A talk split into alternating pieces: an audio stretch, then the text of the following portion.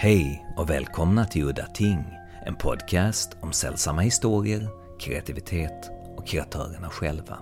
Mitt namn är Henrik Möller, musiken är skapad av Testbild och loggan till podden är gjord av Malmökonstnären Bartosz Nalecinski. Det här avsnittet ska handla om den surrealistiske Malmökonstnären Bertil Gade. Född 1916 så såg han Malmö växa fram. Som han själv beskriver det, området kring Sankt Johannesgatan, där Malmö konsthall skulle komma att ligga 1975, var under hans uppväxttid landsbygd. En åker, det fanns ingenting. Malmö var en stad som han flyttade ifrån för att hitta jobb. Som sagt, han såg staden växa fram från 1916 fram till hans död, nu för bara fem år sedan, 2014. Lite kort så kan man ju berätta att Bertil Gade gick på Skånska målarskolan på 30-talet och han är kanske mest känd för att han under en kort period, 1950-52, var med i Malmökonstnärsgruppen Imaginisterna grundat 1945 av Max Walter Svanberg, C.O. Hultén och Anders Österlin. Bertil Gade var inte bara målare, utan var även skulptör. Han skulpterade bland annat i sten och metall. Och det är här som han är känd för malmöiterna. Eller kanske okänd, för det är garanterat många som har passerat och noterat hans många surrealistiska väggreliefer runt om i stan. På Rosengård, Gullviksborg, Södervärn och Nydala. Ja, jag är ju uppvuxen på Nydala i Malmö. På Nydalatorgets gula tegelfasad till huset som kanske främst innefattade Konsum där i alla fall på husfasaden satt relief i metall, en surrealistisk metallskulptur som man la märke till. Den såg ut som en fusion mellan några människor och djur och tyckte jag då när jag var liten, en grävmaskin. Jag mindes den väl decennier efter jag flyttat därifrån, men vad jag inte visste var namnet på konstnären. Jag hade aldrig brytt mig om att kolla upp det när jag var liten. Titeln på metallreliefen var i alla fall Mytologisk strid ditmonterad på Nydalatorget 1964. Bertil Gade beskriver själv reliefen. Egentligen så var det tänkt som högrelief gjuten i brons, men anslaget räckte inte. Gjuten i brons hade den alltså blivit för liten och jag tyckte att allmänheten borde få valuta för pengarna och den blev alltså så stor som möjligt. Men en hel del av markeringarna är gjorda med brons och det finns faktiskt lite silverlod på ett par ställen. Det var det. Nu hoppar vi fram till 5 december 2007 efter att jag hade blivit intervjuad i Sydsvenskan om min och Frank Girhams film Malmö lika med råttkod. Telefonen ringde och det var en man som jag aldrig hade hört talas om, men han presenterade sig som Bertil Gardö, 91 år vid tillfället, men helt klar i huvudet. Han hade läst intervjun med mig i Sydsvenskan, som då gick under titeln ”Det gamla Malmö lockar filmare”, och han ville träffa mig för att berätta om det gamla Malmö, det Malmö som han själv hade växt upp i för snart hundra år sedan. Så blev det. Jag cyklade hem till hans lägenhet på Kockumsgatan 1, precis bakom Davidshalls torg, där han bodde alldeles ensam. Samtalet skulle som sagt handla om det gamla Malmö, men vi gled snart in på hans eget konstnärskap och hur det var att vara surrealist i det socialrealismbesatta gamla Sverige, där landskapsmålningar och statyer i parker nästan uteslutande bestod av nakna människor. När jag nu spelar upp filmen som det här ljudet är taget ifrån så möts jag som inledande ord av Bertil som beklagar sig över sitt utanförskap och en artikel som han skrev. Jag var tämligen utfrusen ur alla sammanhang. Då så skrev jag en artikel och den handlar om att plötsligt en dag får jag besök här, någon som ringer. Och utanför stod där fem stycken isbjörnar som har hört talas om det. Och jag bjuder in dem och de bjuder mig till att utställa vid Beringshav. Vet du var det ligger? Beringshav. Uppe vid Nordpolen. Och eh, det skulle sen gå runt på en vandringsutställning kring Nordpolen. Men eh, jag var tämligen utfrusen. Och det ändrade inte någonting här. Folk tyckte det var en rolig sak, men så var det inte mer. De som förr i tiden kom till Malmö, mm. ungdom, män eller kvinnor, för att söka jobb. Männen, ungdomarna, hade i stort sett inte mer än en stor sak att välja på. det var att gå ner till Kockum och bli nitlangare. Då, då, på den tiden eh, nitade i båtarna. Mm. Svetsade de inte. Mm. De svetsades inte så. Och de fick stå där och höra denna fruktansvärda maskin. Ja, och så langade i nitar. Det var det. När talar vi om, vilket år talar vi om nu? Alltså? Ja, det är ju 60-70 år tillbaka. 70 år, när de byggde fartyg på det viset. Kvinnorna hade en, två saker att välja på som kom till Malmö. Det ena var att bli piga. Det andra var att bli prostituerad. Det var det enda de hade, det var Malmötjänst. Det fanns ingenting, kvinnorna kunde inte gå ner på kock Det var de som kanske städade. Men eh, kvinnorna hade ett, de ungdomar som kom hade inget val. De fick försvinna eh, eh, in i, för, antingen resa åt helvete, vad som helst, jag vet inte. Men här var ingenting. Men en piga eller prostituerad. Jag vill inte gå in på det för de skulle inte tycka om det om du, om du talar om det för dem i tidningen. Det har kommit ut en doktorsavhandling för en del år sedan nu. Det är rätt många år sedan, kanske 10-15 år sedan. Den heter Det glänsande eländet. Den handlar om hur, vad som stod till buds här. Då fanns det endast att de varvade sig. Blev antingen till flottan i Karlskrona eller blev husarer ute på Kronprinsen, du vet där ute. Det var en stor kasern. Och eh, dess män, de, de hyrdes ibland ut till, eh, och fick bo i, i slummen.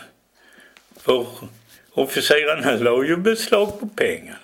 De fick stå till tjänst till de homosexuella i Malmö.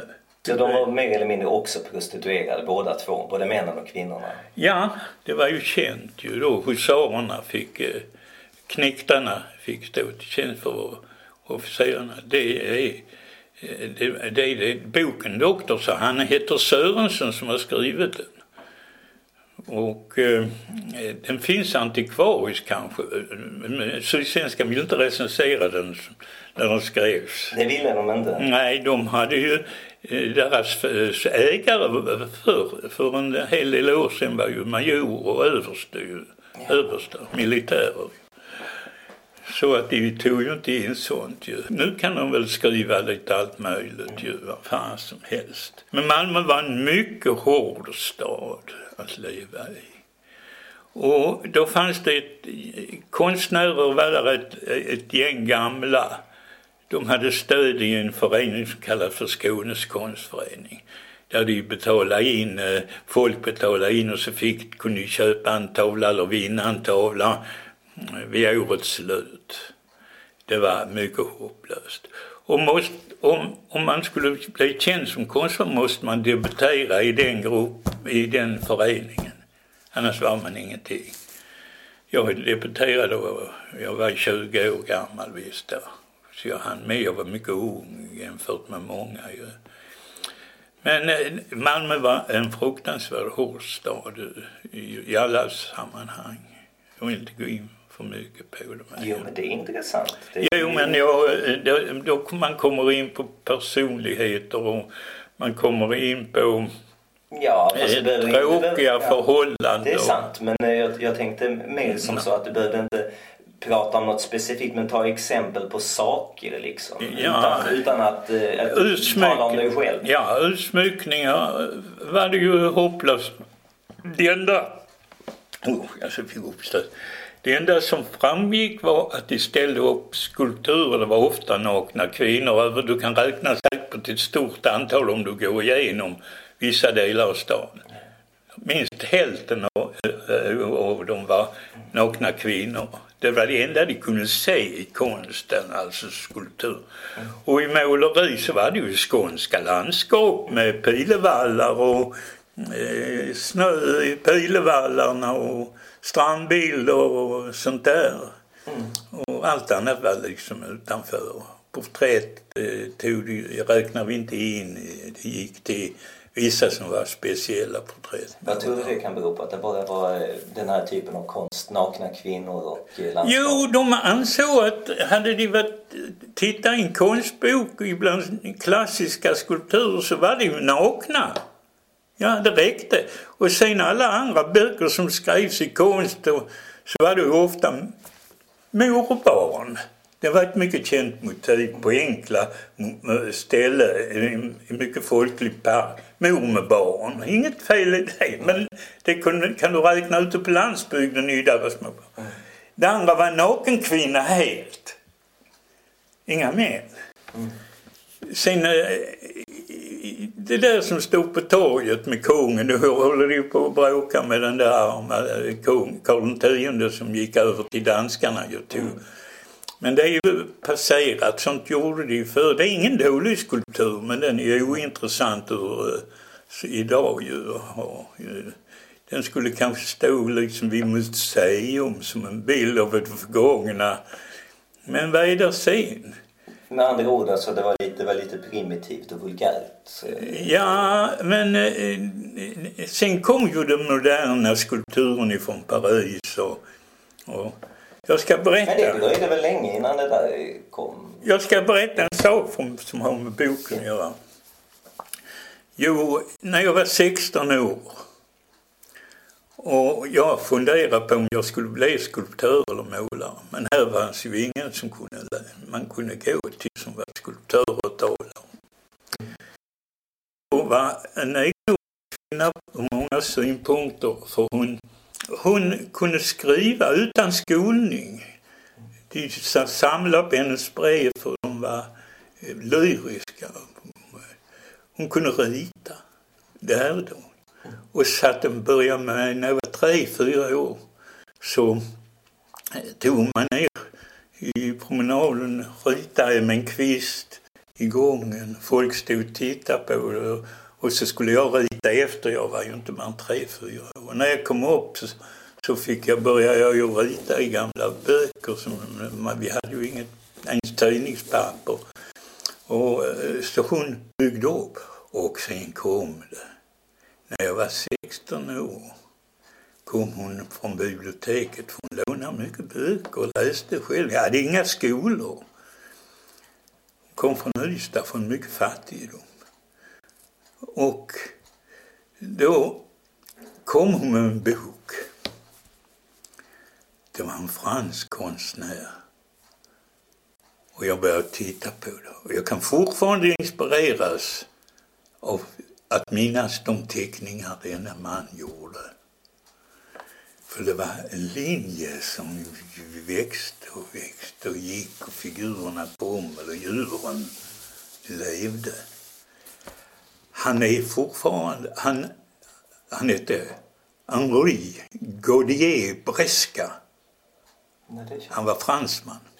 Han finns i skulpturböcker som den första 1916 hon hittat en sån bok som då trycktes och hon, jag vet inte hur hon hade kommit över den.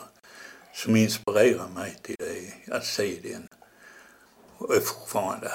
Henry Moore känner du till va? Skulptören, den engelske största skulptören för närvarande. Picasso blev inspirerad av honom. Han var inte mer än 16 år.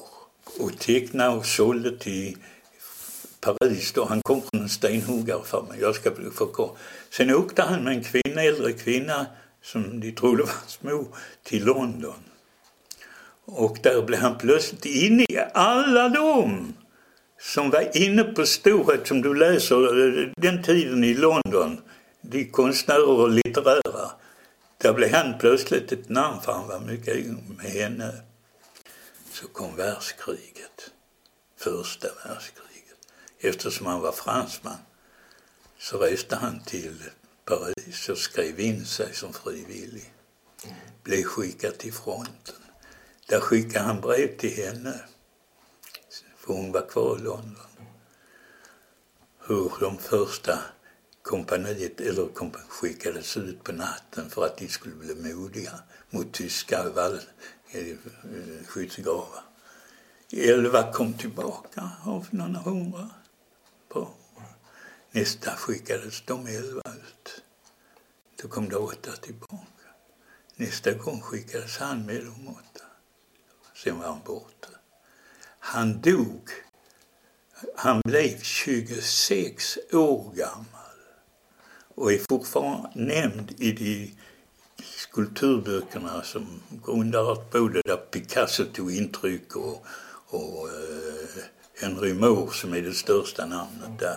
Jag bara nämner som exempel på. Men efter ett tag så kom vi i alla fall in på konsten och Bertil visade sina surrealistiska tavlor, fantastiska verk, extremt detaljerade. Det var tydligt, till och med för en amatör, att han hade lagt väldigt mycket tid på dem. Jag var fascinerad. Enligt mig var detta i klass med de stora surrealistiska mästarna genom tiderna och det var gjort av en man här i Malmö, min egen hemstad. Sen kom vi såklart in på bitterheten, orättvisorna i konstvärlden. Och i Stockholm ska vi inte tala om de konkretisterna som kom samtidigt när vi kom där med våra, med sina geometriska kvadrater. De är på 100 000 för en kvadrat. Mm. Om jag skickar upp det där skulle de sätta 5 000, 4 5 000 som en högturismålare. Så du menar att det här lever kvar fortfarande? De har sina och tjänar pengar på dem. Mm. De har till exempel en, han heter Torsten Andersson, är från norra Skåne. Han var akademiprofessor, gjorde läraren honom till.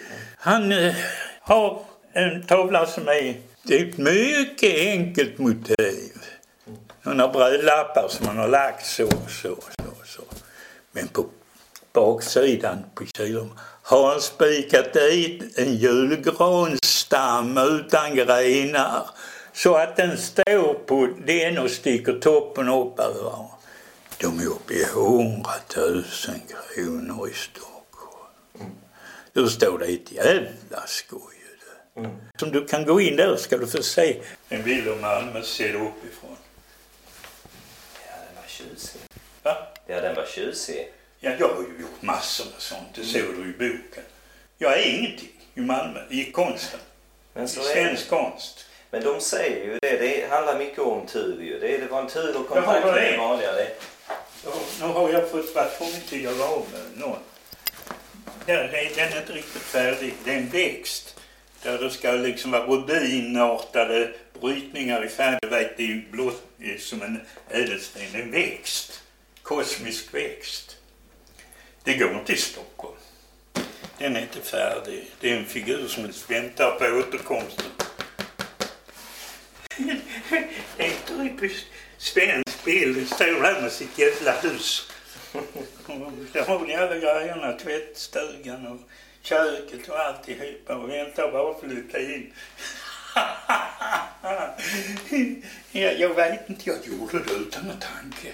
Det kom av sig själv bara.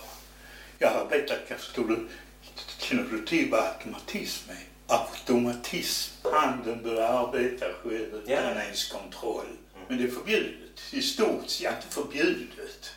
Men det ingår ju i den så kallade magin. Och det får man inte röra vid. Men många konstnärer i penselföring, den arbetar själva. I linjen. Jag kan skriva automatiskt.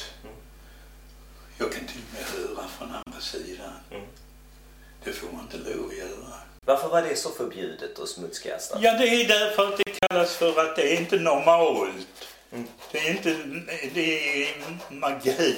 Mm. Det är trolldom. Yeah. Det är, vad fan är det mer? Det är ju sjukligt. Ja, ja, ja, du menar så. När jag gick i skolan då och kom till läraren. Han var en svår lärare, jag vill inte gå in för det. Han slog ett svar dag ibland somliga. Han såg, när jag började teckna, att eh, jag var mycket begåvad tecknare. Så han satte sig vid sidan om mig den här och försökte teckna också som jag tecknar. Kunde. Antagligen hade han eh, eh, velat bli, men han hade inte tillräckligt. Men, vet du vad han gjorde? Han kom till mig och sa Bertil, ta och läs den här boken nu. Och jag såg på den. den var en perspektivlärare med linjer som gick så. Jag tänkte, vad är det? jag visste inte ens vad perspektivlära var för jag var inte mer än 10-11 år. Han tvingade mig att börja måla oljemåla, köpa färger i tuber när jag var 12 år. Började jag måla mina första oljemålningar. Och han lärde mig även att skära träsnitt. Jag levde i flera år, ett par, tre år på att göra stora grafiska sätt. Jag har sålt Nationalmuseum sånt och de här eh, försökte ju stoppa en för de kunde skära. I sju färger tryckte jag stockar du vet och tryckte. Det fick, det var ett helvete. Jag fick ingenting för dem. Men eh, så menar jag att eh, jag är född med dem. Och så är en löpare. Och du är född med någonting, vilket vet jag inte. Men du är kanske duktig till något annat. Jag förstår vad du menar. Det är ju mm. som så att eh, om vi tar fotboll till exempel. Alla småpojkar spelar fotboll ja. när de är små. Men det är bara en som Det var en som blev... Ja. ja och han blev sen stor som Zlatan. Ja, jag tänkte på honom. Det är exakt så det är. Ja, det... men det ville inte Socialdemokraterna erkänna för. För de var det att alla är vi födda lika. Mm. Med två armar, två ben och med huvud. Det enda som avgjorde det var ju eh, pengar. Att de kom från en rik familj som kunde bli. Så var det under ja. många, många år ju. Mm. Så jag ska inte prata mer om det. Men det, du... Jag har inte druckit ditt te. Jag oj, oj, det, var, det, det var intressant så jag gick vidare. Jag glömde bort. Men ja. däremot, eh, jag är väldigt intresserad om du kommer på något mer om Malmö. När jag då var, skulle börja, eh, slutat skolan, vad skulle jag då bli? Ja, det fanns ju ingenting. Mina föräldrar förstod, hade inga pengar och sånt. Har springpojkejobb. Man arbetar från sju på morgonen till sju på kvällen för tio kronor i veckan. Fick köra dragkärra med tusen kilo eh, ut en halv mil för tio kronor i veckan. När de då hörde, det var på en målarfirma, en stor målarfirma som hade 200-300 arbetare på sommaren som målade nybyggen här. Men när de då hörde att jag skulle bli konstnär var 16-17 år så fick jag ner i källaren under verkstaden. Där stod alla de gamla spannar och pytsar med blyvitt, zinkvitt, syror, lacker, färger, kalk som är i fastnat i spannar. Allt det fick jag skrapa. Och du ser vad fingrarna är. Ser du? De har jag fortfarande. Jag målar eh, med den lacken de har där beskriver jag att man måste torka dem en gång för då torkar huden. Men man hade inte ens ett tvål. De gav inte ens in en handske. Utan man skulle göra det för hand med kalken och luten och sodan och alla blyvit. Jag fick alla blyjobben. För jag skulle bli konstnär, hade de förstått. En yrkesmålare tror han skulle bli konstnär. Va? Och jag vet inte hur många hundratals rum jag fick skrapa ner tapeter i med arsenik i. Det var gamla tapeter som trycktes med arsenikfärger och sånt. Jag vet inte hur många stötar jag har fått från elektriska där vattnet rann in i ledningarna. Jag klarade inte. Jag var 16, 17 år. Men jag höll ut, för jag hade inget val. Och gick målarskola på nätkvällarna ändå. Fick arbeta till sju och fick gå rakt upp utan att äta, utan någonting. Sånt helvete. För att knäcka mig. Han trodde han skulle bli, tror han ska bli någonting annat än eh, vad han är utsedd till. Så det står, jag har ingen stor aktning för den tiden och för de människorna heller. För avundsjukan, den finns ju fortfarande. Men vid den tiden mot en pojke som var 16, 17, jag, var, jag, jag så, hade ett snyggt utseende också förstår du. Ville klä mig, inte ovanligt men alltid snygg. Och det fick man ju inte heller ha någonting som eh, man skulle fram stå som någonting. Jag har varit rak i mitt liv och haft mycket fiender. Detta att vilja bli någonting, det var det värsta man kunde tala om att man ville. Och konstnär för en yrkesmålare. Det är inte fint nog att vara det. Jag har till och med varit med om att måla polishuset, eh, jag var 16-17 år. Eh, grunda alla jävla trä. Det hörnhuset där var jag också. Min bror, äldre bror som är död, han var med med, med järnbalkar och sånt. Vi hade ju ingenting. I detta huset? Ja, han får vara då. Och jag i det andra huset var med om när det byggdes, grunda alla jävla dörrar och snickeri och skrapa väck all murbruk från fönster och på kammare och ett helvete. Fingrarna ser du är fortfarande dåliga. Det är ju delvis för att den färg man använder idag är, den går in här förstår du, torkar vid nageln om man eh, har, får färg runt om fingrarna när man håller på länge. Jag ska berätta en historia som är sann, men den är skämtsam. Vill du ha med den så kan den ha den. Ja. Då var jag 16-17 år, hade precis börjat. Och då fanns det en målare, yrkesmålare. Han bodde på Väster. Han var enkling. Enkling alltså. Han var arbetslös. Han var stor och grov, men rätt snäll. Men eh, han var knappt en bra yrkesman. Men han var arbetslös utan pengar. Så gick han bort till den firman där jag var. Jag kanske hade sagt någonting. Och han fick jobb, han fick arbete och blev glad. Och så arbetet bestod i att de skulle tvätta lanterninen inne på Skandinaviska bankens huvudkontor på Bruksgat, vet där borta. Den ligger nere vid stationen. Vad sa du, lanterninen? Lanternin, det var glasfönsterna i taket. Hela gård, det var en gård som var täckt med glas. Väggarna var täckta med glas. De skulle tvättas rena. Mm. Och så då skulle vi ha ställningar. Och då hade de ju till det lägre stegar som var ungefär som eh, om du skulle tvätta i taket här så var stegen ungefär en fem meter, fyra, fem meter. Mm. Och så la de en planka där mellan de två. De gick där på en planka och balanserade och tvättade va? och flyttade plankan neråt eh, så de kom ner.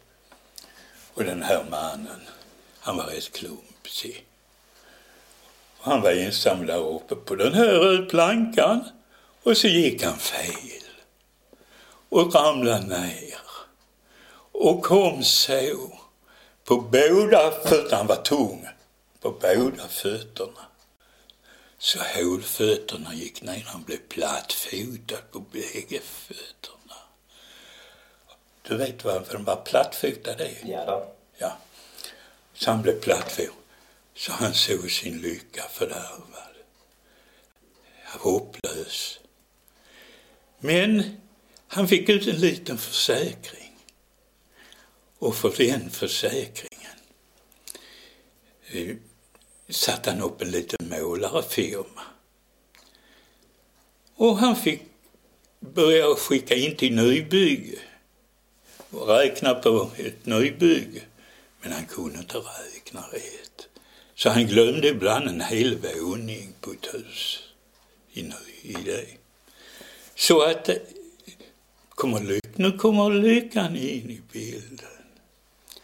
Han fick ett jobb hos en gammal fröken som hade en väldigt fin affär och sålde till alla de rikaste i Malmö. Jag ska inte gå närmare in på och han var en stor, lufsligt lejon. Liksom. Och hon var en stor, vacker fröken, äldre fröken. Men rik och affärsman.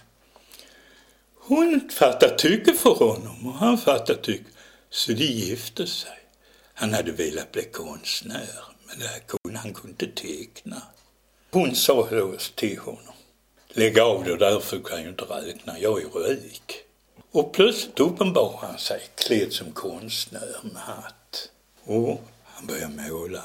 På hela bröstet på honom där hängde ordnar, frimurare och andra diverse grejer som de får. Han fick efterträda mig när jag blev inkallad.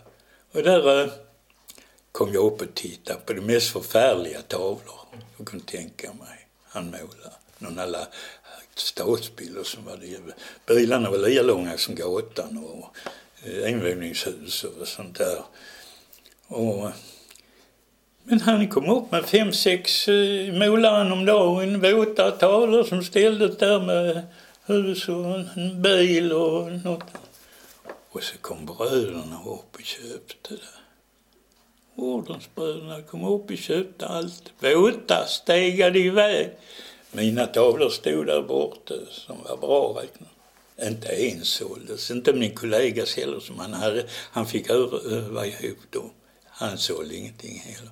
Men de köpte allt, gick hem med de våta tavlorna där med de där hemska bilderna.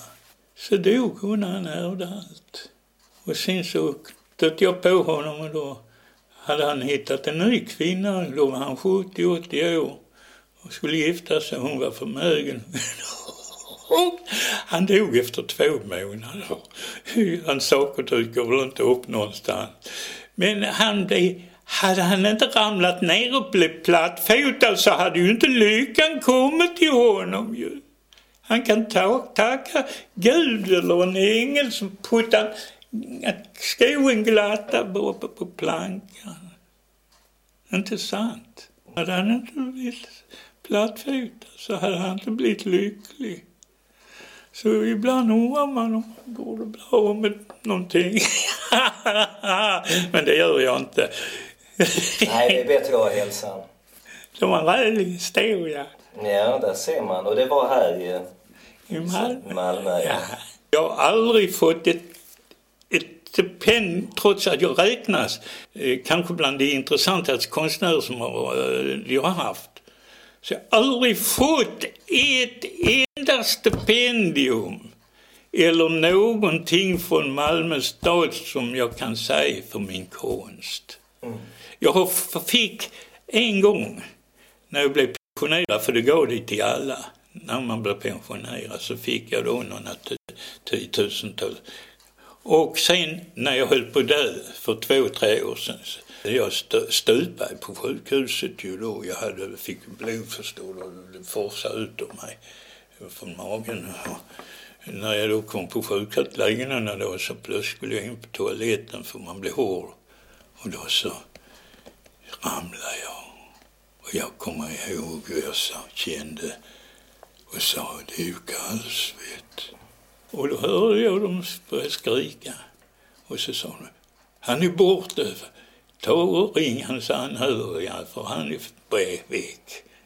Men det var jag inte utan det var mig av mig och här är jag.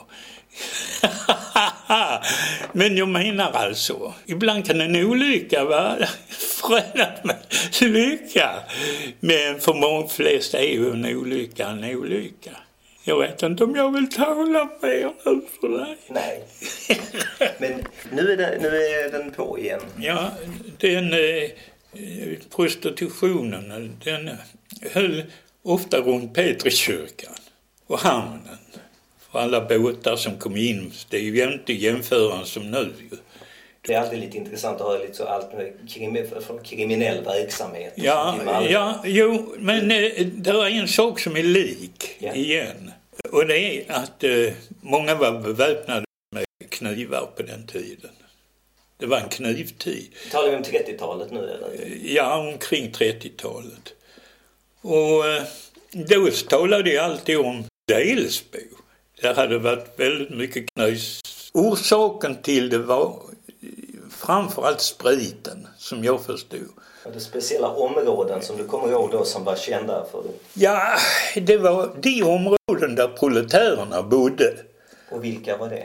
De stadsdelar som var då kända för proletariat det var ju runt Möllevången ju.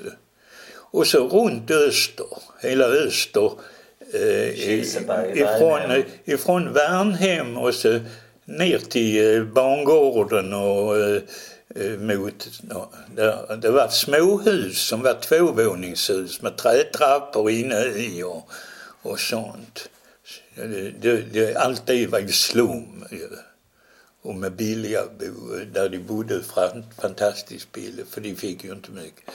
då började började ju med fackföreningar som rättade upp ju en del av missförhållanden så. Men spriten var nog det som var det jävligaste i alltihopa. De, på fredag kväll gick de ner i de där små gatorna på hörnorna. Där stod de och väntade med kravknappen utan hatt. Och så... varför, varför hade de kragen och varför tog de av Jo, en skjorta på den tiden där satt inte kragen fast då. Nej. Utan de kunde ha lösa. Och för att med en knapp som gick igenom både krage och skjorta och en där med, en liten mässingknapp där. Och så hade ju slips som dolde det, men de hade ingen slips för det var för fint ju. Men eh, proletariatet var ring Möllevången och i öster ifrån, eh, man kan närpa sig från Värn, inte riktigt så långt som Värnhem för där börjar eh, vara utanför. Men ända ner till kanalen Skogens bro. Där var proletariat. Och Gamla Väster där inne. Men det var mest hantverkare som hade egna små verkstäder men de hade ju jobbare. Mm. Men det var mycket horhus. Ja, så det fanns horhus? Oh ja, det fanns. Och där tog mini-DV-bandet slut i kameran och jag tvingades avsluta intervjun. Det kändes färdigt. Intervjun hade blivit betydligt längre än vad jag hade förväntat mig och spretigare. Jag hade kommit dit för att lyssna på historier om det gamla Malmö. Det var egentligen det som var originalupplägget enligt Bertil själv. Men det blev ganska snabbt tydligt när man lyssnar på det att Bertil själv ville frångå ämnet och börja prata om surrealistisk konst och sin egen, sitt eget konstnärskap. Och det konstiga är att jag var ju liksom Bertil ingen socialrealism-ivrare. Jag ville ju egentligen höra om den surrealistiska konsten. Men jag hade varit så inställd på mitt mål så att jag tvångsmässigt gled tillbaka och tvingade Bertil att berätta historier om det gamla Malmö. Mycket, mycket märkligt. Jag minns inte så mycket av resten av kvällen men jag drog direkt ner till Stippes, hungrig som jag var, och åt en riktigt flottig bearnaisesåsburgare som var något skit i så jag spydde som en gris hela kvällen, totalt magförgiftad. Några år senare, jag tror det var 2011, så började jag tänka på Bertil igen och efter ett samtal med en anställd på Malmö konsthall som berättade att det var länge sedan han såg Bertil, som var en ganska frekvent besökare på konsthallen, så anade jag det värsta. Jag cyklade förbi och ringde på hos Bertil. Till min lättnad så öppnade han dörren, men han har nu blivit väldigt gammal, fortfarande excentrisk och fylld av energi, men väldigt förvirrad och det tog ett tag innan vi var på banan igen. Men när jag sa adjö så lämnades jag av den där känslan som man ibland kan få med äldre människor, att kommunikationen hade börjat brista lite och det var lite svårt att föra ett samtal. Några år senare så var hans namn borta från lägenheten. Hade Bertil hamnat på ålderdomshem eller hade han gått bort? Jag googlade. Det fanns ingenting att hitta. Det var först nu, när jag sökte igen, som en Wikipedia-sida dök upp. Där stod det ”avliden 2014”. Strax därefter så hittade jag en artikel i Sydsvenskan där det stod att han hade avlidit i juli, strax före sin 98-årsdag. Det var inte mer än rätt eftersom många av hans samtida kollegor var så väl representerade. Så jag sitter nu och bläddrar i Jan-Gunnar Sjölins bok om Bertil Gade som heter Bilder om människan och kosmos. Och jag tänker på väggskulpturerna Mytologisk strid vid Nydalatorget, Kosmos vid Komvux på Södervärn, väggmosaiken Årstiderna, Gullviksborg och skulpturerna Sfäriskt monument och graviterande element på Rosengård. Jag tänker att en gång i tiden en kort period verkade som, så levde surrealismen i det grå, fantasilösa Sverige.